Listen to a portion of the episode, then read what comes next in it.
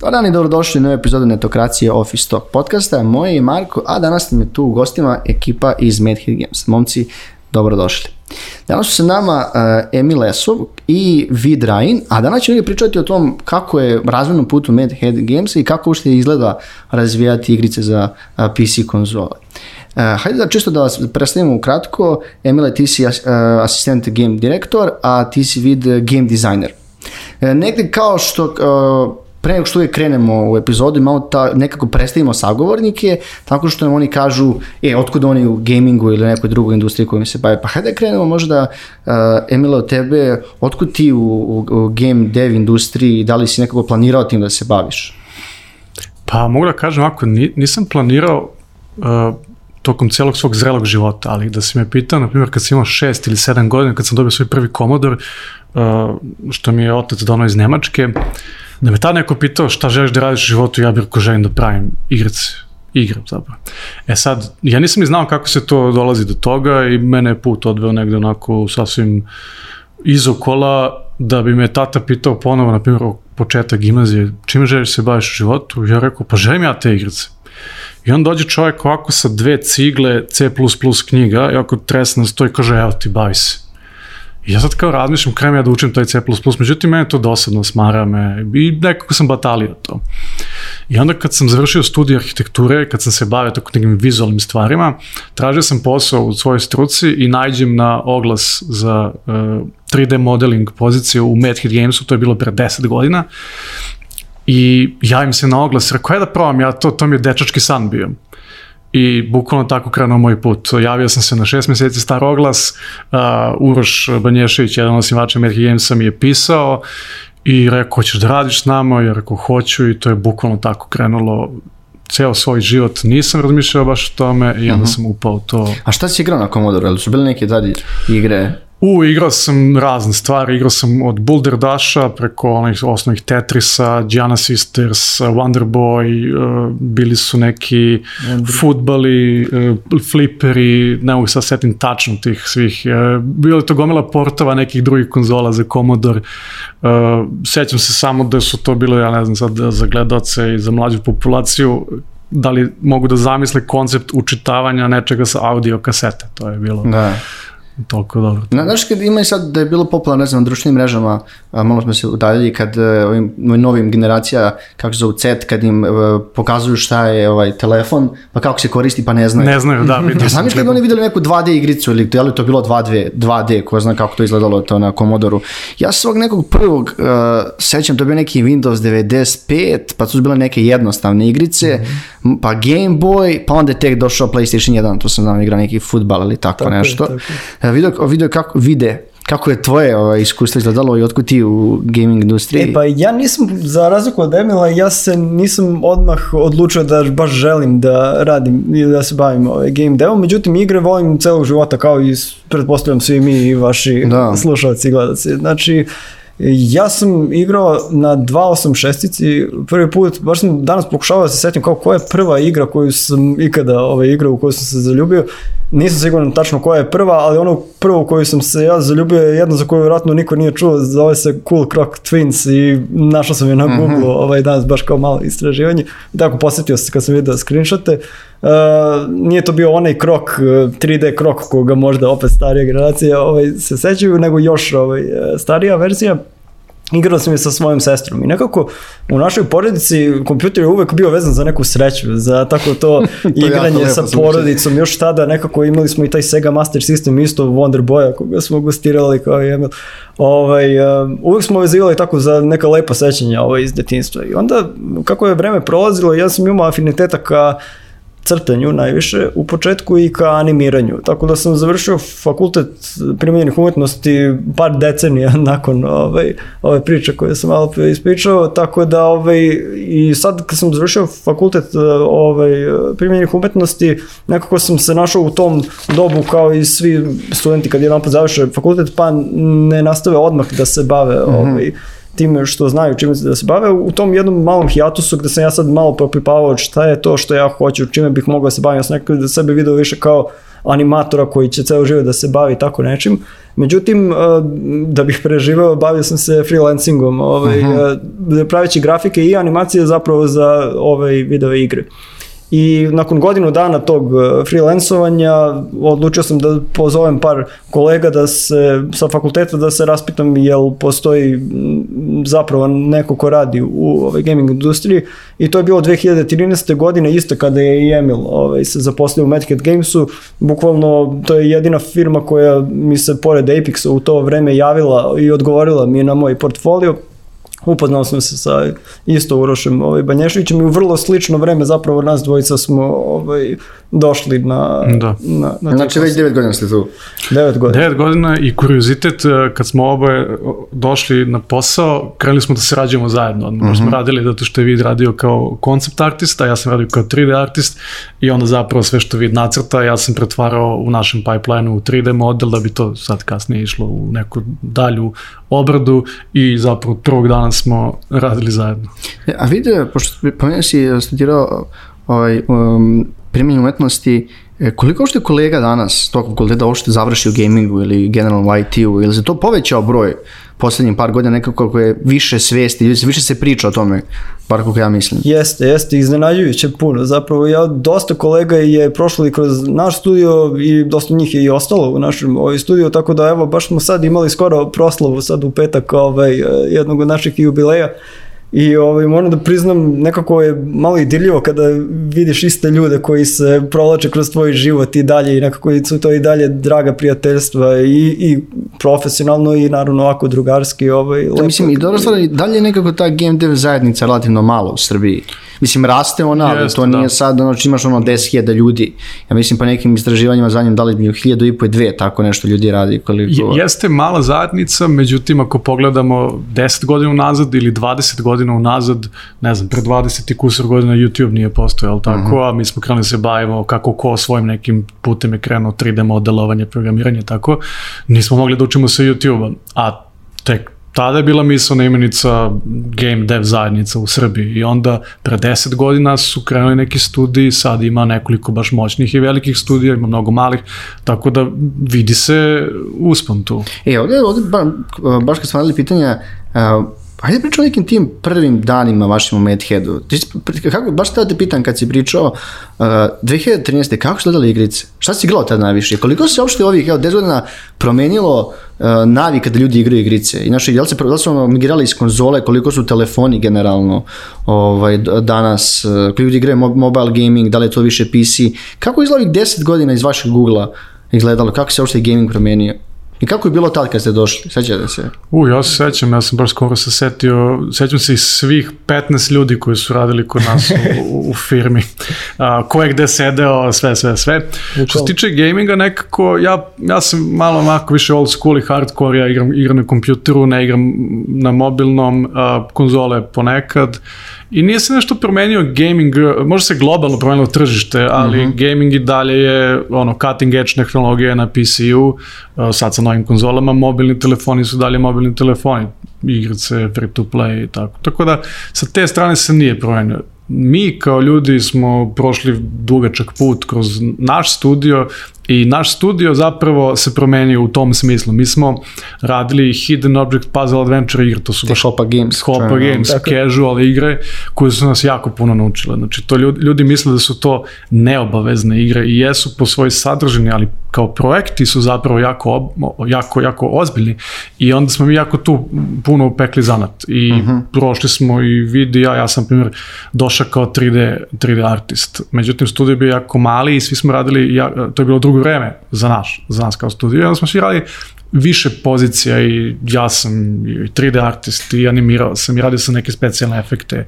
Postao game designer, vodio projekte, producent, senior producent, pa bio i game designer, lead game designer. Znači, jako je dugačak put i različite pozicije koje smo, koje smo radili. Tako je, a što se tiče tih samih igara, znači tu na početku je bukvalno bilo vreme kada smo mi pekli zanat. I kao naš studio je dosta dugo zapravo pravio te, a, ono što je nekada bila point and click avantura, a sada je hidden object puzzle adventure I e, nekako upravo to o čemu Emil priča, to apsolutno stoji. Znači, mi svako od nas je kroz njih zapravo pucao na veliko i pokušavao nekako da dokaže da mi možemo ne samo taj žanr da unapredimo, nego da kroz njega možemo da zamislimo i da radimo na nekim većim igrama, što mm -hmm. se srećom ovim vremenom i, i ostvarilo. Tako da mi stvarno dugujemo dosta ovaj, tim uh, hopama i svih 50 plus koliko smo ih već napravili 50 za... plus je tačan odgovor, da. Ovdje smo negdje pisali, uh, pričali smo negdje 90 dugo, 10 godina ste tu i mislim da ste dobri sagovornici. Koliko je generalno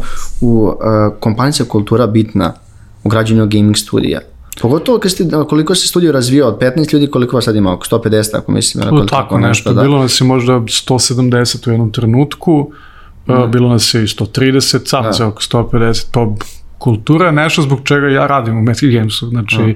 to je najbitnija stvar, sad ne, ne znam da je to najbitnije u, u drugim studijima, ali mm. to je nešto zbog čega ja znam da ne znam, bankrotiramo sutra što se neće desiti i da treba sad da se ne bavim ovim poslom nego da tovarim ugalj, ja znam sa kim ću da ga tovarim. Znači to, da, je, to je, bitno, to je da. bukvalno je, ja ne mogu da opišem ljudima sa strane koji, koji uh, gledaju to sa kakvim fantastičnim ljudima mi radimo. Eto, to je Pa da, ja mislim da sa, smo sazreli i mi kao osobe i generalno na nivou celog studija, ali da smo i dalje zadržali neku, da kažem, nonšalantnost u pristupu, ali ne u smislu neodgovornosti, nego stvarno jednog neposrednog, direktnog uh mhm. -huh. odnosa, iskrenog, to je nešto što zaista da, da nema toga i da ima nekih drugih poteškoća koje nemamo ovaj, u komunikaciji generalno na nivou ovaj, rada sa ljudima, ja ne bih želao više da radim u takvom studiju, a mislim to me najviše... Je, nikad, nikad sad ne palo na pamet, ne znam što nismo stavili pitanje, ovaj, neko nekad govorio kako je firma dobila ime,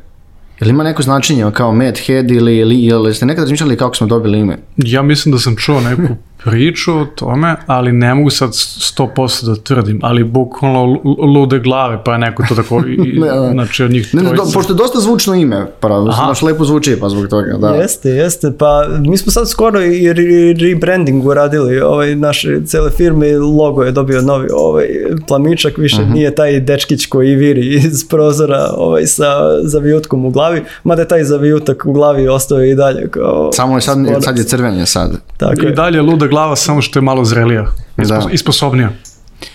Dobro, mislim, bre, ono, design, brand, to nije samo običan, običan promena brenda, to treba da, ono, da nosi poruku cijele firme, razvoja i ostale slično. I negdje smo danas, da kažem, ne kažem okupili, ali smo našli pričamo o, ti, kako izgleda radi na razvoju a, tih velikih PC igara što koji radite vi sada. Hajde da krenemo od početka. Kako uopšte izgleda da napravimo jednu ovakvu igru, da kažemo od početka? Kako uopšte izgleda, e, mi sednemo sad i, i da prva stvar, mi smo pomenjali ideja, kako uopšte izgleda da napravimo jednu i koliko je teško i koliko se tehnologija promenila i moguća da radite neke nove, nevjerojatne stvari nego pre 10 godina kad ste krenuli? E, to je sad. Ako mogu samo da uskočim, mm -hmm. znači, uh, čisto da napravimo i našim gledalcima ovaj presek stanja. Znači, sad smo malo prepričali o Hopa igrama koje mm -hmm. smo dosta dugo radili unutar studija. Umeđu vremenu desio se Pagan Absent Gods uh mhm. -huh. igra koju smo radili u saradnji sa Wargamingom, dakle to je jedan veliki publisher, veliki publisher i jedan prvi naš iskorak na zaista svetsko tržište core igara, znači uh mhm. -huh. igara koje nisu više čisti casual ovaj, adventure žanr.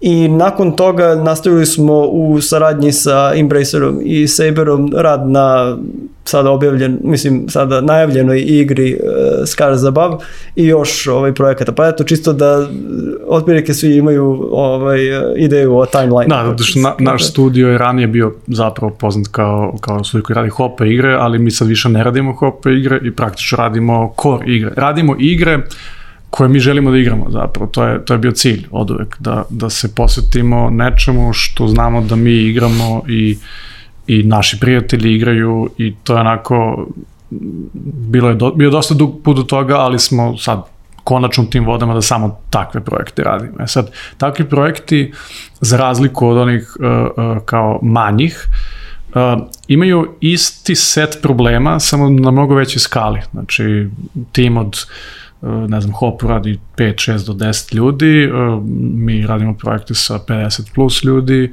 i to je celokupan uh, scope je samo veći, ali nisu to neka sad nova pitanja, uvek je pitanje šta je zabava, kako dizajnirati zabavne mehanike, kako ispričati priču, kako promovisati ideju, sve, to uvek isto, samo su, alati su malo drugačiji. Sad kao kako mi krećemo da radimo igru uh, iz početka, pa prvo moramo da imamo input, imamo neki zahtev, da li sami prema sebi, da li neko dođe i kaže imam ideju, uh, da li, mala anegdota, Pagan, naša prva uh mhm. -huh. korigra, je nastala tako što je došao uh, jedan od naših bivših 3D artista, Saša Ristić, koji je doneo model Marka Kraljevića od 3D u ZBrušu uh mhm. -huh. i pokazao nam i to je bilo onako kao neka kapisla, inspiracija da mi krenemo da, da gradimo igru oko toga. -hmm. Nismo znali u što se upuštamo, znači pojma nismo imali, ali smo bili dovoljno entuzijastični da krenemo i onda krenemo da dizajniramo, da probamo razne koncepte. Tu su se bacale ideje šakom i kapom u džubre, znači to je bilo... Uh -huh. uh, a šakom i kapom su završavali u igri, zato što nismo mi znali da li to nešto može, da li radi, da li je zabavno, ali smo probavali jako puno, puno smo grešili. Uh, i ceo taj proces inspiracije uvek drugačiji. Nekad je to baš takva stvar. Nekad je dođe izdavač ili Saber koje, koje nas je akvarao skoro i kaže znate kako mi imamo a, ideju za igru ili želimo da napravite ovako nešto, da li ste za, pa onda mi tako pregovaramo.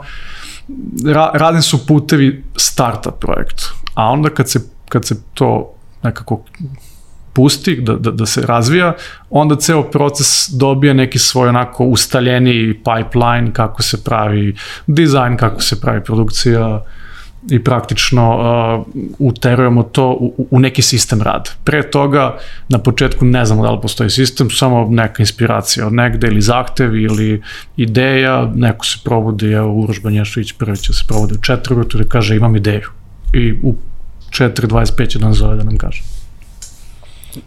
Ono, naravno, za takvu igricu potrebno mnogo više vremena. Da, da. Da, to je to što je bitno, za, ne, za, ne, za potrebne godine rada da bi se izbacio neki naslov.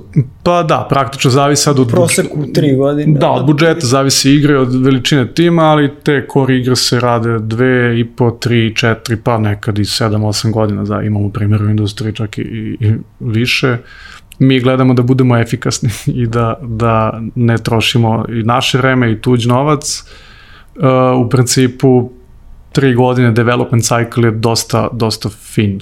A šta je sad kad pričamo o, o razvoju uh, ljudima koji još, šta, šta je možda glavni aspekt napred neku veliku Šta, šta, šta tačno ljude, nam ljude triggeruje i uvlači? Je to neka priča? Ili ono dizajn ili je, kad, pa kad pronađeš nekako što neko, ja sećam kad smo mi igrali neke prve velikog naslova, to je bilo davno na uh, PC-u, to su bili Heroji 3, Might of Magic. Mi smo to igrali Heroi super, ono što je bilo dobro, moglo nas trojice, četvorice da igra, ono svako ima svoj red. Meni to je dalje legendarna igra prošlo 15 godina. Jest. Znaš, i zbog priče i, i mogućnost da igramo svi zajedno. Znaš, šta bi možda onako jedan i drugi izdvojili, ovo je, a šta, koji je bitan aspekt da neka igra ima? Ja sad imam PlayStation, nešto se prekidam i volim da igram avanture zato što imaju tu priču i još volim, volim, da, volim da, ima, da igra ima priču koja prati onako heroja ili cao narativ ili slično. Da, pa ja bih iskoristio jednu reč, a to je vizija koja stoji mm -hmm. iza igre i mislim da je to ekstremno bitno i to je nešto oko čega uvek pričamo i stalno se vraćamo i na dnevnom nivou imamo sastanke o tome šta je u stvari ovaj, vizija. Ne u smislu da mi ne znamo šta je pa sad lupamo, nego, ovaj, nego se tu viziju koju pravimo upoređujemo sa onime što smo napravili i analiziramo analiziramo zapravo jel to odgovara jednom drugom i onda da vidimo da li uh, jedna ili druga stvar treba da se ovaj, koriguje. Tako da bih rekao sve to što si naveo stoji.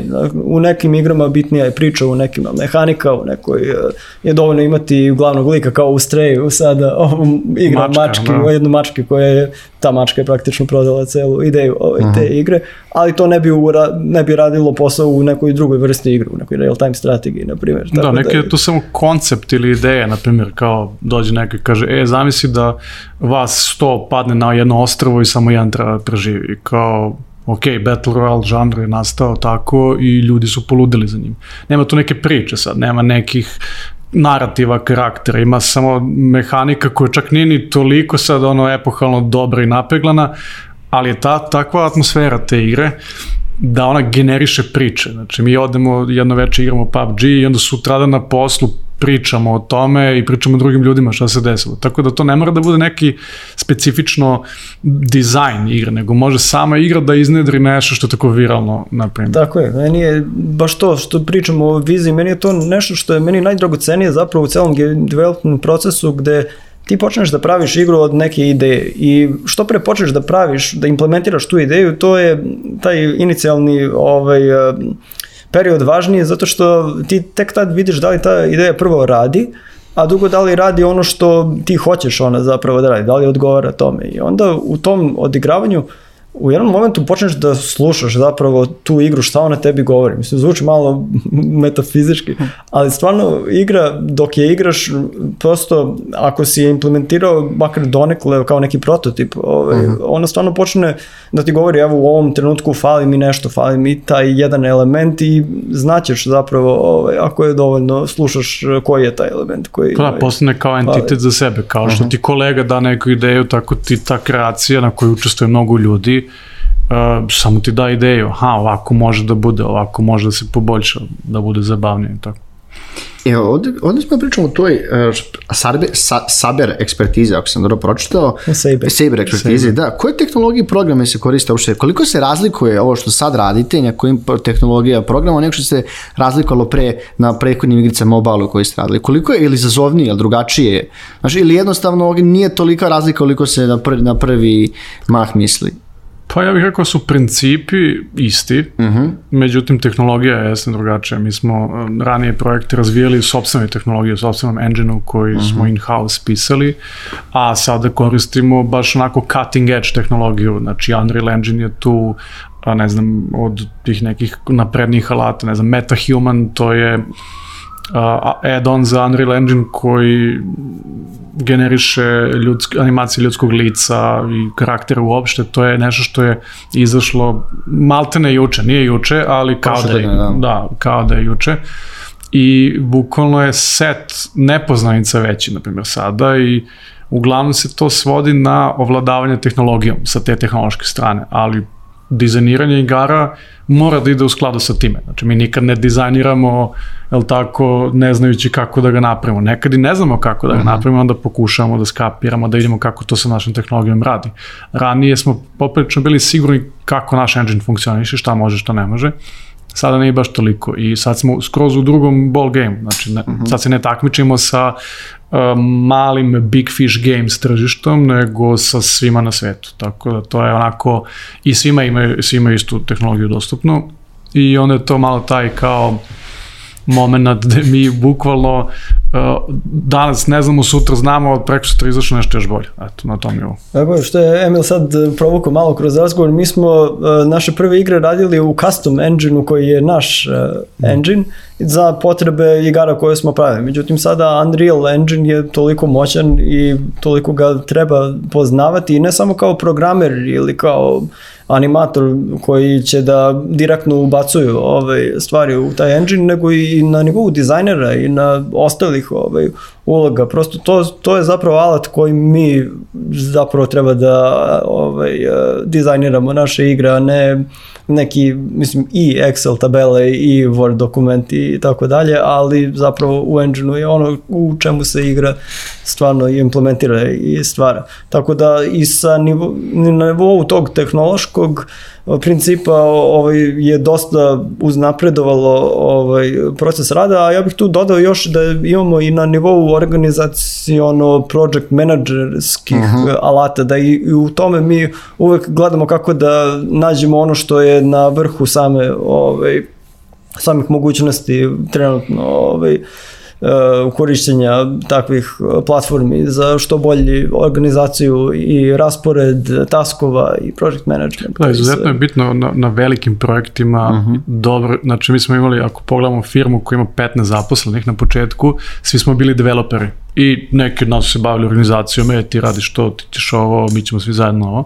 Međutim, kako firme raste i projekti rastu, pojavlja se potreba da postoje ljudi koji organizuju samo stvari, koji služe kao support nama da jednostavno iznesemo to i moramo i ozbiljno i time da se bavimo. I mislim da je to nešto na čemu se većina timova koje se skalira sa malog na velikom prvo spotakne, kao što mm -hmm. se mi spotakli, ali sad uh, u današnje vreme, na primjer, mislim da smo dosta dobro isplivali iz toga, dosta se dobro organizujemo, uh, ne znam, to se direktno translira u, ne znam, nedostatak crunch time-a, uh, manje stresa na poslu, bolje mentalno zdravlje za sve nas i tako, znači nema... Da, da. Kao skalač organizaciju potrebno su mnogo tih, ne kažem supporting rola, ali role koji su takođe bitni u organizovanju i kompanije, firme, projekata. Definitivno, definitivno. I, i ostalih stvari.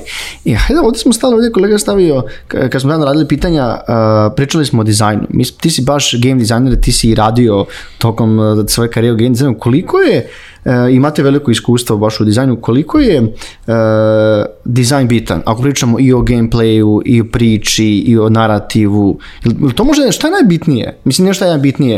E, koliko je daj danas dobar dizajn bitan igrice jedne? Pogotovo ako si pričao da je, da je, da neke stvari mnogo, mnogo olakšane sad nego pre.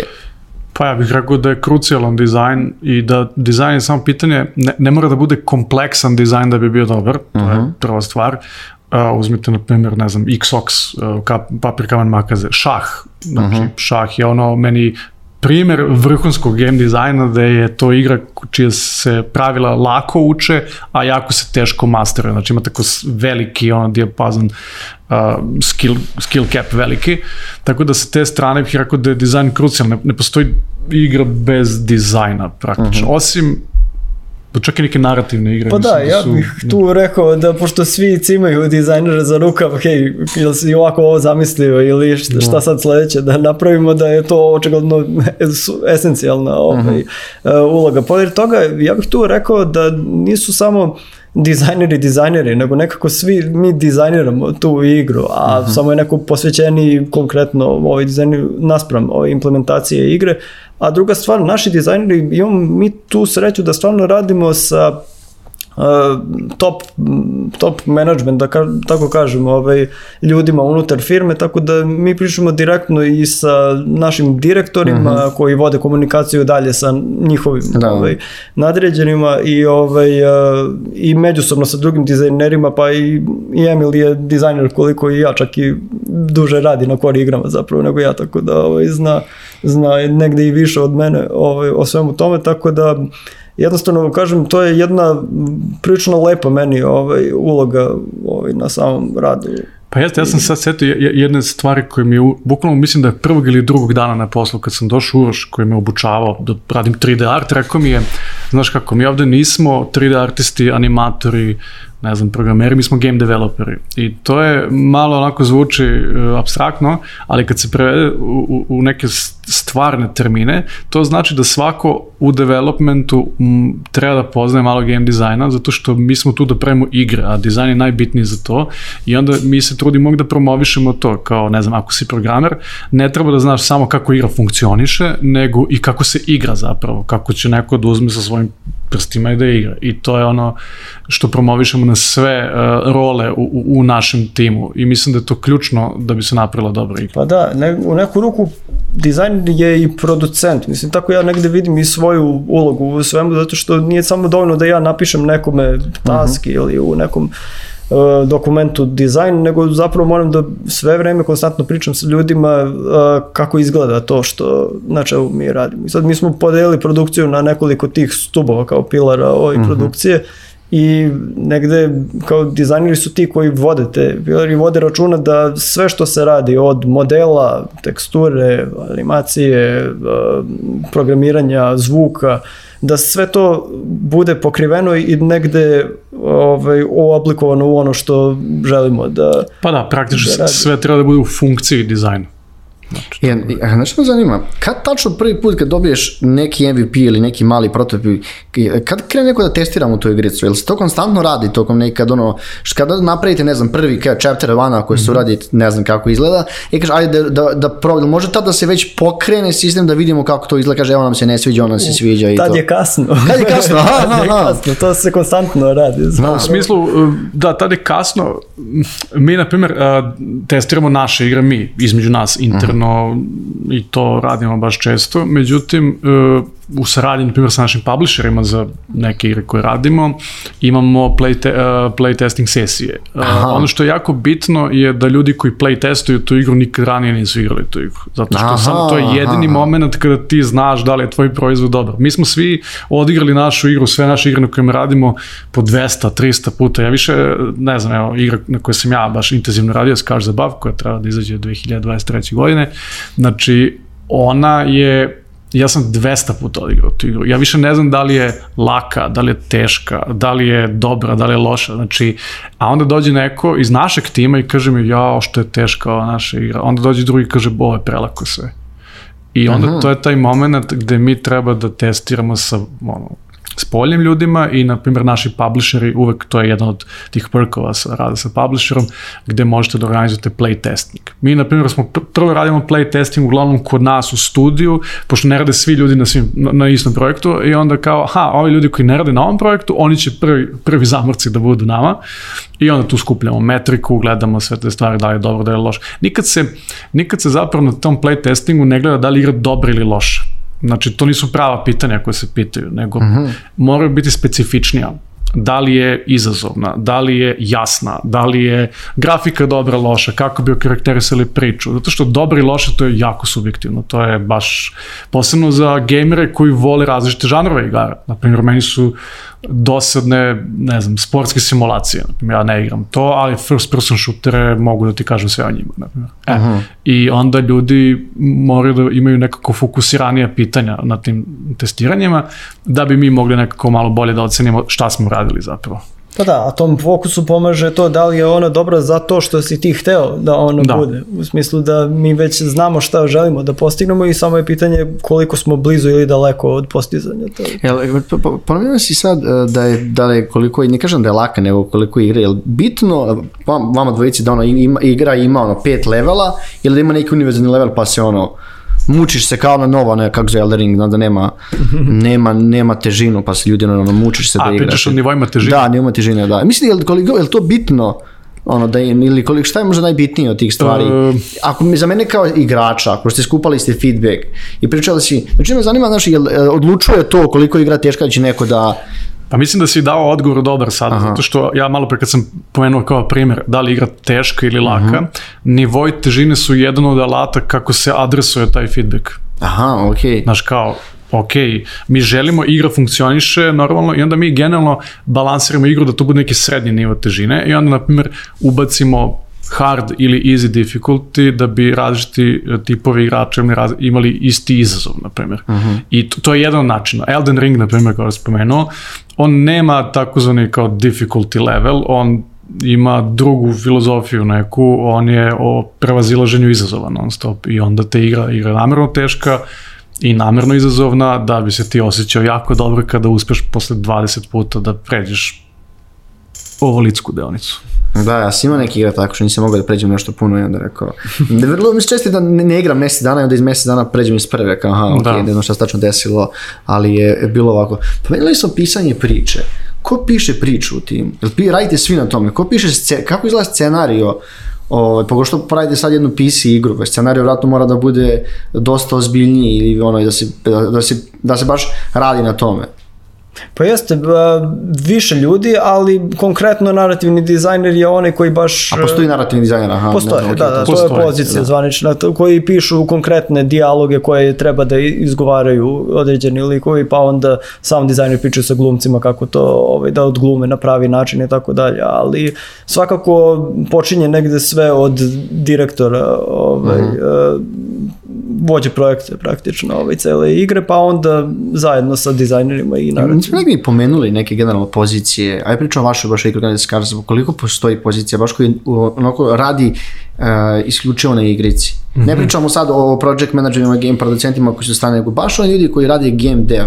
Aha, Pa da, mi, mi nekako project manager inače ubrajamo u game dev ekipu, ali naravno tu ima kako bi rekao sad po pipeline tu su game dizajneri, tu su narativni dizajneri, tu su koncept artisti koji crtaju koncepte, kao daju ideje, pa imamo 3D artiste koji proizvode 3D asete za igru, imamo texture artiste koji prave teksture za igru, imamo technical artiste koji su zapravo spoj između tehničkog i artističkog dela. To su ljudi koji ubacuju grafiku, setuju materijale, pa u okviru, ne znam, technical art imamo neke kao pod kategorije, imamo level dizajnere, imamo VFX artiste, imamo, imamo ceo sound department zajedno sa audio. Da, zvuk je isto bitan. To, zvuk da. je jako bitan za, za igru, to nekako, a ono što je loše je nekad što je u nekim pipeline-ima, uglavnom je zvuk na poslednjem mestu, zato što zvuk za nešto se radi na kraju zašto tu treba da postoji, ako je animacija treba da postoji pokret na osnovu koga bi se radio zvuk ili ne znam efekat pa na osnovu njega da se radi zvuk.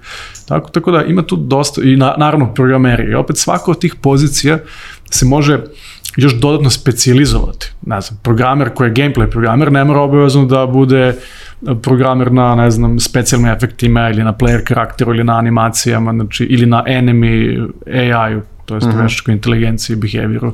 Znači imam u okviru tih kao glavnih pozicija koji su artist, programer i dizajner, to se sve posle rašlanuje na gomilu sitnih Da, to sam samo uh, slušalcima recimo da damo, a ono damo negde aspekt št, koliko sve u stvari postoje raznih pozicija koje prave jednu igru. Ti spomenuo zvuk, ve, mi veruješ da zašto nisam setio ni razmišljao koliko je to bitno, dok nisam spomenuo kao koliko je bitan zvuk u igrici.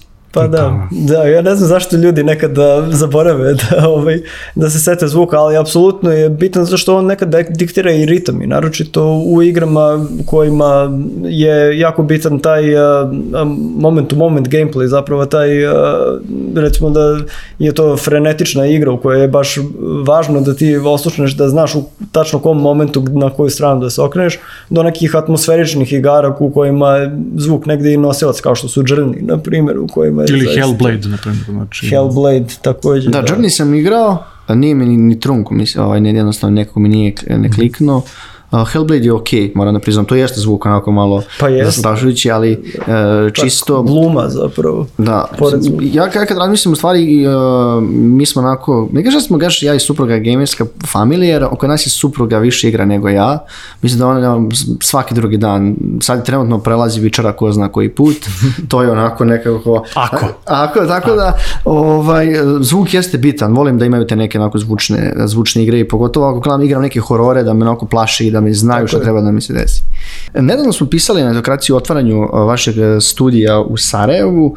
Hajde malo pričamo o tome, na čemu će da radi studio u Sarajevu, da li će raditi ovaj, dosta blisko sa vama i kako to sve zamišljeno da, kažem da izgleda, ali e, u korelaciji Beograd, Novi Sad, Sarajevo. Da, da ubacimo u sadašnjost, to se već sada dešava, znači oni već su naši najbliži saradnici i nekako ja mislim da je pa možda prvih nedelju dana bio taj neki moment kada smo još uvek se upoznavali sa našim novim kolegama, ali oni su apsolutno podjednak deo studija kao što su recimo studio u Novom Sadu i studio u Beogradu. Eto, kao mi smo počeli kao studio u Novom Sadu, pa kad se otvorio ovaj, u Beogradu, nastavili smo tamo da radimo i nekako i dalje je to isti, ista ekipa, isti ovaj, tim koji radi na možda različitim igrama, ali ovaj ali svejedno to jedinstvo se od uvek osjećalo i Sarajevo nije nikakav problem, nikakav, nikakva razlika u odnosu na taj ovaj, naš mentalitet, čak naprotiv, evo sad smo imali konačno ovaj, priliku za vreme jubileja i da se upoznamo lično ovaj, sa njima i sa novim kolegama iz Novosavskog studija, tako da je to prosto jedna po meni divna saradnja sa divnim ljudima koji znaju šta treba da rade, oni su već radili na svojoj igri, ima dosta iskusnih i koji znaju i da rade i u Unrealu i da animiraju i tako dalje dalje.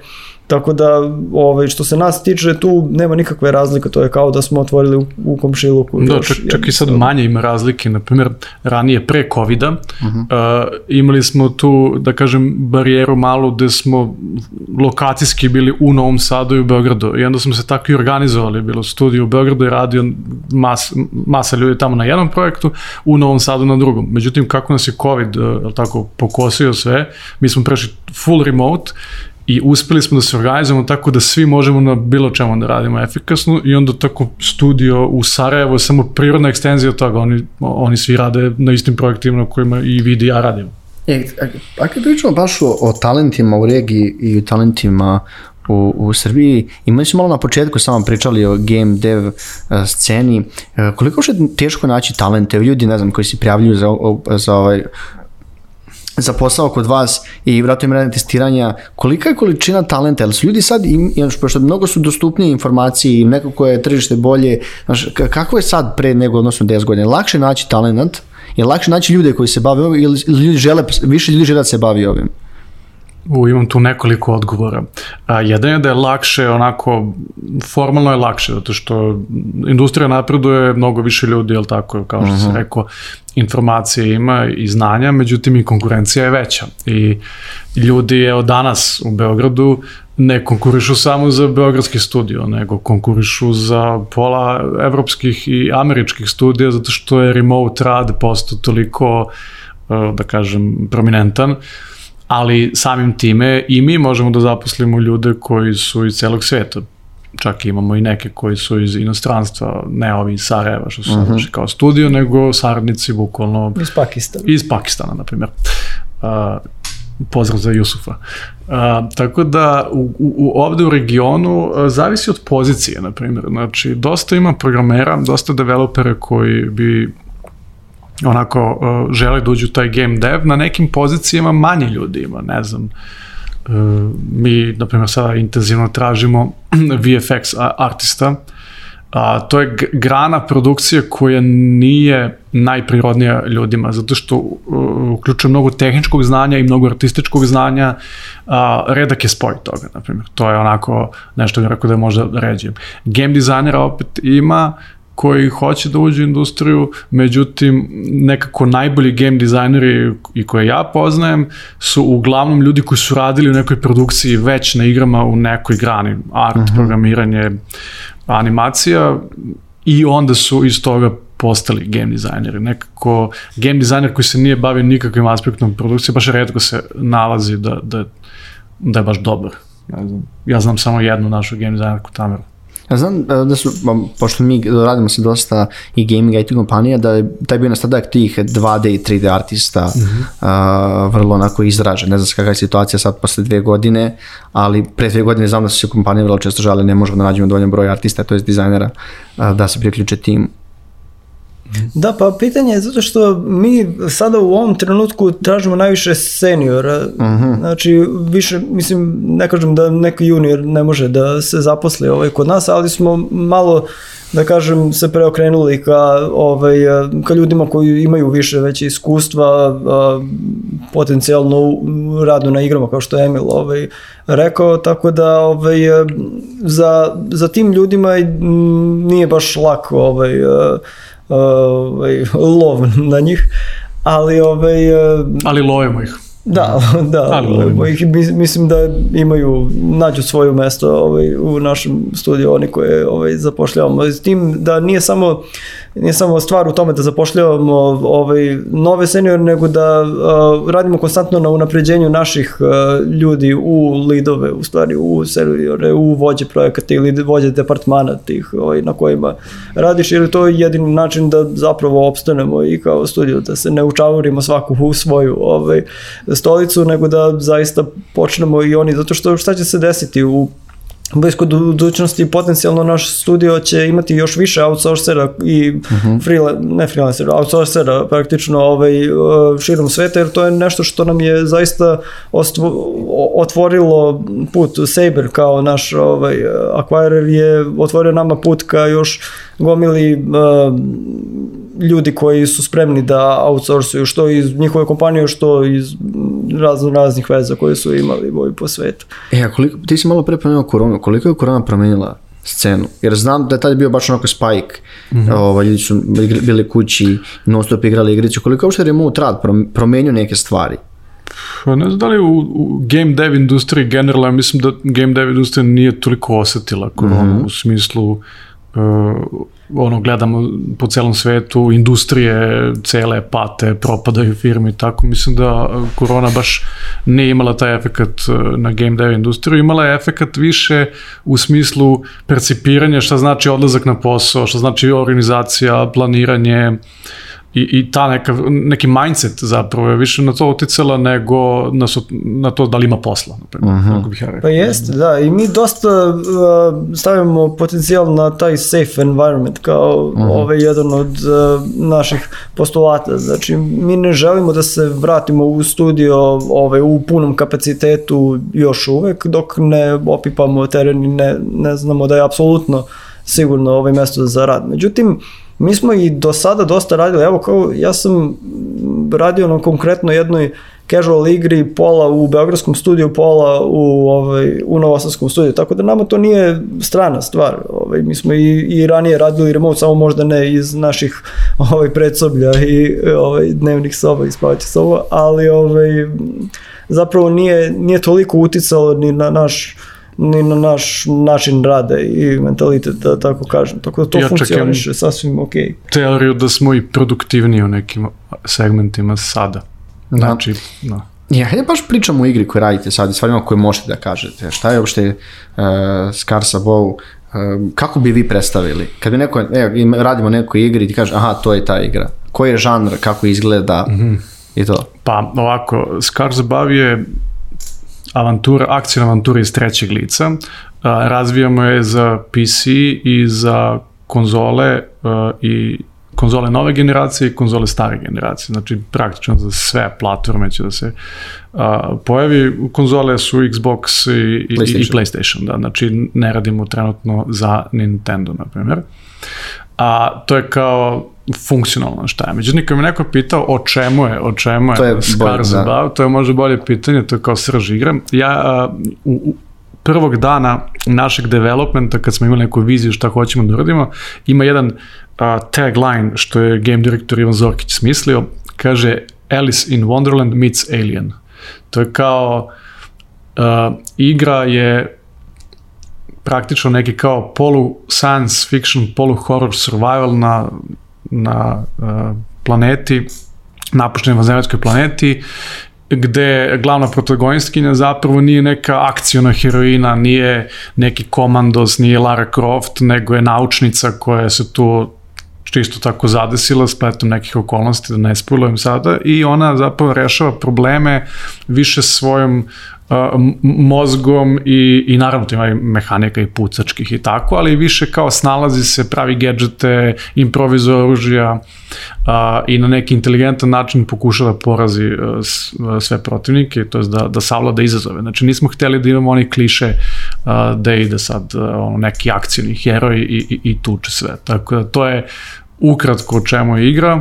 A, ono što možemo da kažemo da će da izađe tek 2023 i to je jedno što... što pa da, to je relativno brzo. Relativno brzo, da. A da li ima, da, kad sad pokušam da uh, zamišljam neki ovaj, scenario i kako to izgleda u svojoj glavi i pokušam da vidim da li ima neku sličnost s nekom igrom, ali ne mogu baš da nađem nešto što bi uporedio tako lako. E pa i ljudi su je upoređivali sa Returnalom. Aha, aha. Izašao skoro, ali mislim da je to čisto bila vizuelna To je vizualno, znači ga, gameplay diametralno suprotan zapravo. Uopšte, uopšte mi ne, ja, video sam kako taj Returnal izgleda uopšte nisam zamišljao tako ovaj Da, ovo je više onako kao sad ja ne znam kao vizualnu referencu možemo da pogledamo neke ono filmove na primjer, znači Prometej kako izgledaju oni velike viste, ne znam, Alien malo, malo neki lupam Indiana Jones, uh, tako neki science fiction filmovi, um, to je vizualno. E sad kao po pitanju gameplaya, narrative i priče, uh, to je jedna priča onako, on bukvalno nauka E, protiv straha, znači razum protiv straha, kako biti e, hrabar i savladati izazove e, na neki kao racionalan način, bukvalno, i racionalno protiv Uh, Jedva čekam da igram, pravo da vam kažem, lepo ste pisali. Da, hajde ovaj, uh, nekada su pričali... Uh, ja ne, ja sam igrao. Da, ti si već igrao, da, da, da, ti ne moraš, ali ja baš... Ali, ali odigrat ću jedan, da. kupit će, čim da. E, hajde da, ovaj, Hajde malo pričamo o saradnji sa nekim publisherima i velikim e, studijama. A vi ste akvizirani tač pre, ne znam, pre dve godine. E, kako bi imali ste iskustva u prošlosti sa raznim sa publisherima? Pomenuli ste Big Fish, pomenuli ste Warhammer Gaming, sad ste u okru MBRC grupe. E, kakva su iskustva i neke možda savete koje možda dati nekim manjim studijama koji žele da nađu publishera? Jer to i dalje ne priča se dovoljno o tome ovaj, na našem držištu. Uh, ima tu raznih priča mm -hmm. i rekao bih da, da su publisheri svi različiti, kao što su i ljudi različiti, kao što su firme različite i nema istih, uh, na istim stvarima se radi sa svima njima, samo što na različite načine. Sa Big Fish Gamesom to je dosta bio onako zakuca neki proces, pošto oni baš imaju igranu mašineriju kako se to sve dešava, koliko oni uh, bukvalno procenata uzimaju i šta ti daju za to do, ne znam, Wargaminga, koja je prva firma koja smo s kojom smo van casual igara sarađivali, Uh, i onda i tu zavisi na primjer od budžeta koji uh, oni običan publisher da ne znam novac za development ili za marketing i u toj nekoj razmeri koliko za jedno koliko za drugo oni preuzmu sve troškove marketinga distribucije i tako te stvari I ne znam, sad, na primjer, sarađujemo sa, na, na Skar Zabavu, sarađujemo sa Kohom, uh mhm. -huh. koji je isto deo Embracer grupe, samo nije deo koje nas ekvarovo, nego je to Saber. I praktično oni svi pomažu na različite načine. Njima je cilj proizvod uh, i dolaze do toga na razne načine. Na primjer, Uh, evo sad, ne, neke prakse su, na primjer, oni pomažu tako što svako, svake nedelje mi imamo neke sastanke, sinkovi mhm. ih zovemo, uh, usklađujemo se oko vizije, pa onda i nama pomažu kako da, da daju nam feedback, pa daju nam neke parametre po kojima treba da se ravnamo, šta su naši ciljevi, kako hoćemo da marketujemo igru, pa nam organizuju play testove uh, u njihovom uh, play testing labu, Uh, nekad se desi, na primjer, nama fali neki developer, fali nam rigger, uh mhm. -huh. da nam riguje karaktera da se animiraju i onda mi kontaktiramo njih pa oni nađu, na primjer, nekog da se to outsourcuje. Či ima raznih onako uh, tu video sradnje, ono što bih ja rekao da da, što bih kao savet dao manjim developerom koji prvi put ulaze u tu priču, je da iako je jako puno ljudi ulazi u tu priču zbog novca, u mhm. smislu uh -huh. financije, da bi bila e, neka finansijska sigurnost. Uh, tu dobro razmisliti da li juriti ono stupid money što se kaže, pošto stupid money je samo torba novca, mi nikad nismo jurili to, mi smo uvek jurili kako neko nama može da pomogne na koje sve načine, da, nas, da se mi probimo u industriji, da imamo kontakte sa nekim, da imamo, ne znam, direktnu liniju do Sony-a, do mhm. Microsofta, mm -hmm. da možemo da pričamo o game developmentu, da imamo ljude sad, evo, može vid malo u, u Saberu koji su radili na nekim, ono...